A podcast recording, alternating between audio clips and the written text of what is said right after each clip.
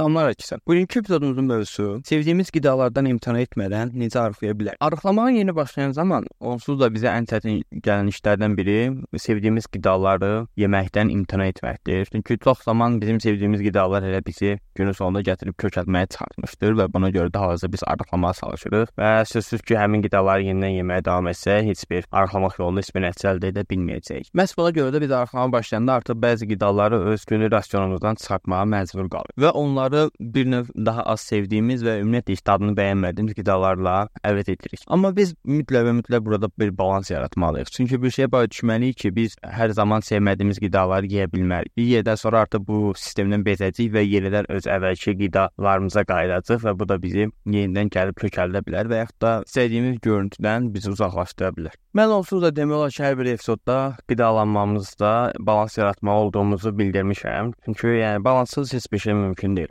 Ən yaxşısı isə metod olaraq 80-20 prinsipinə əməl etmək olar. Bunun üçün gərək gündə qəbul etdiyimiz kaloriləri bir yerə qeyd edək. Bu əsasən mobil proqramlar ola bilər, hansı ki işimizi rahatlaşdırır. Orda onsuz da hər bir yemək aralığı ayrılmışdır. Yəni səhər yeməyi, gündüz yeməyi, axşam yeməyi və bir də topa snack dediyimiz, yəni abur-cubur və yaxud da qeyri-sağlam qidalar üçün də ayrıca bir yeri vardır.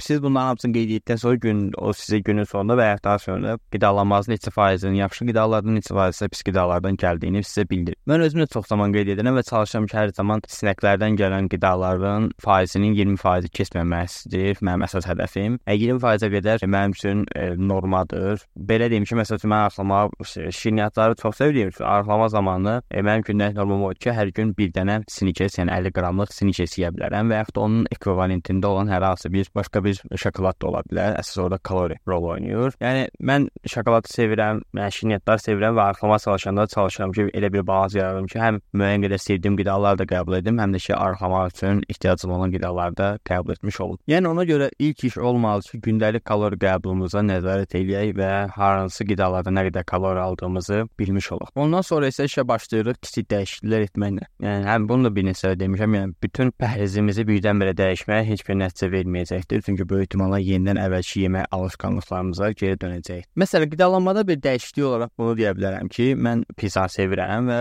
bunu öz sağlam qidalanmama əlavə etmək üçün pizzanın tərkibində olan bəzi qidaları dəyişdirdim. Məsələn, artıq un yerinə e, yulafın üyüdürəm və ondan un hazırlayıram və onun vasitəsilə bişirirəm. Pizzanı, yəni ən azından adi unlar çox daha zərərli olur. Burada bir çox tərkibində olan glisemik indeks, qan şəkərinin daha tez sürətləndirilməsi, qaldırması və s. olur. Hansı ki, həm də daha da tez bizi acdırır, yəni daha tez həzm olur, həzm olunur həmin qidalar və daha biz yenidən daha tez acırıq. Yəni bunun əsas inqrediyenti olan unu yulafla dəyişmək, yəni yulaf ilə dəyişmək bir çox e, fayda verir. Əsas odur ki, yulaf daha lifli qidadır, daha gec həzm olunur, glisemik indeks daha aşağıdır, qan şəkərini daha yavaş qaldırır.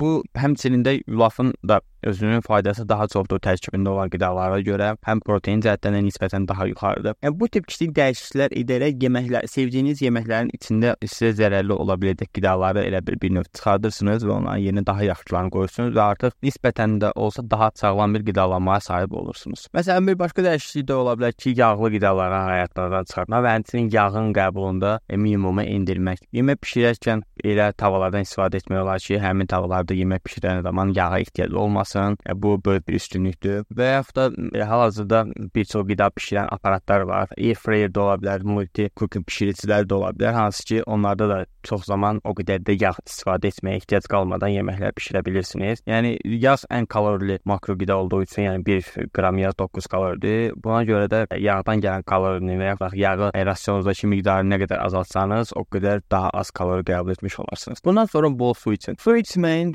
özünün də faydaları vardır. Həmçinin yemək zəddən də elə bir faydası vardır ki, əsasən aclığınız zaman. Məsələn, səhər tezdən durandan sonra su içməkdəki əsas məqsəd odur ki, səhər tezdən bir çoxumuza bir aclıq hissi olur. Amma bu çox yalançalıq bir hiss olur. Siz soyuq su içəndə və yaxud da sərin bir su içdikdə çox da otaq temperaturu və isti su içməyin mənası yoxdur. Nisbətən sərin su içib özünüzə gəlməyə daha yaxşı ola bilər. Həm bir şey də nəzərə saxlayaq ki, su bədənimizdə soyuculuq funksiyasını yerinə yetirir, əsasən də beynimizdir. Yəni səhər durduğunuz bir stəkan su içəndən sonra artıq nisbətən aclığınızı basdıra bilirsiniz. Yəni sırf dər durdum yemək yeməliyəm prinsipindən də qurtulmaq çox daha yaxşı olar olmalı. Çünki bu əlavə kaloridir və artıq çox kalori, yəni 500 min arası olur və çox zaman əslində oturub baxsaq səhər yeməkləri ən zərərli qidalarla təchiz olunmuş yeməklər olur. Çox vaxt istər evdə bişirin, istər çöldə bişir qidaların metodu fərq etmir. Yəni hər zaman daha çox ümumi məmulatlar, daha çox bişinti və hansı ki bizi daha çox kökəltməyə gətirib çıxarır. Dediyim kimi su həm e, bu cəhətdən yaxşıdır, həm də həmçinin qarnımızı da yetişdirmək olan məsələdir ki, və bəzən çox vaxt deyirlər ki, yemək yeməmişdən əvvəl su için, də qarnınıza mənə qədər şişin yarası və daha az yemək qəbul edirsiniz. Məntiqi cəhətdən yaxşıdır, amma su ilə yemək arasında bir zaman fərqi saxlamaqda çox daha yaxşı olar. Məsəl üçün yemək yeyərkən su içməyin, çalışın yeməkdən əvvəl su içəcəksinizsə için, sonra yeməkdən sonra isə bir miqdar gözləyin, sonra yenidən su qəbuluna davam edə bilərsiniz. Gün ərzində də yenidə çəkinizdən asılı olaraq su qəbul etməlisiniz. Yəni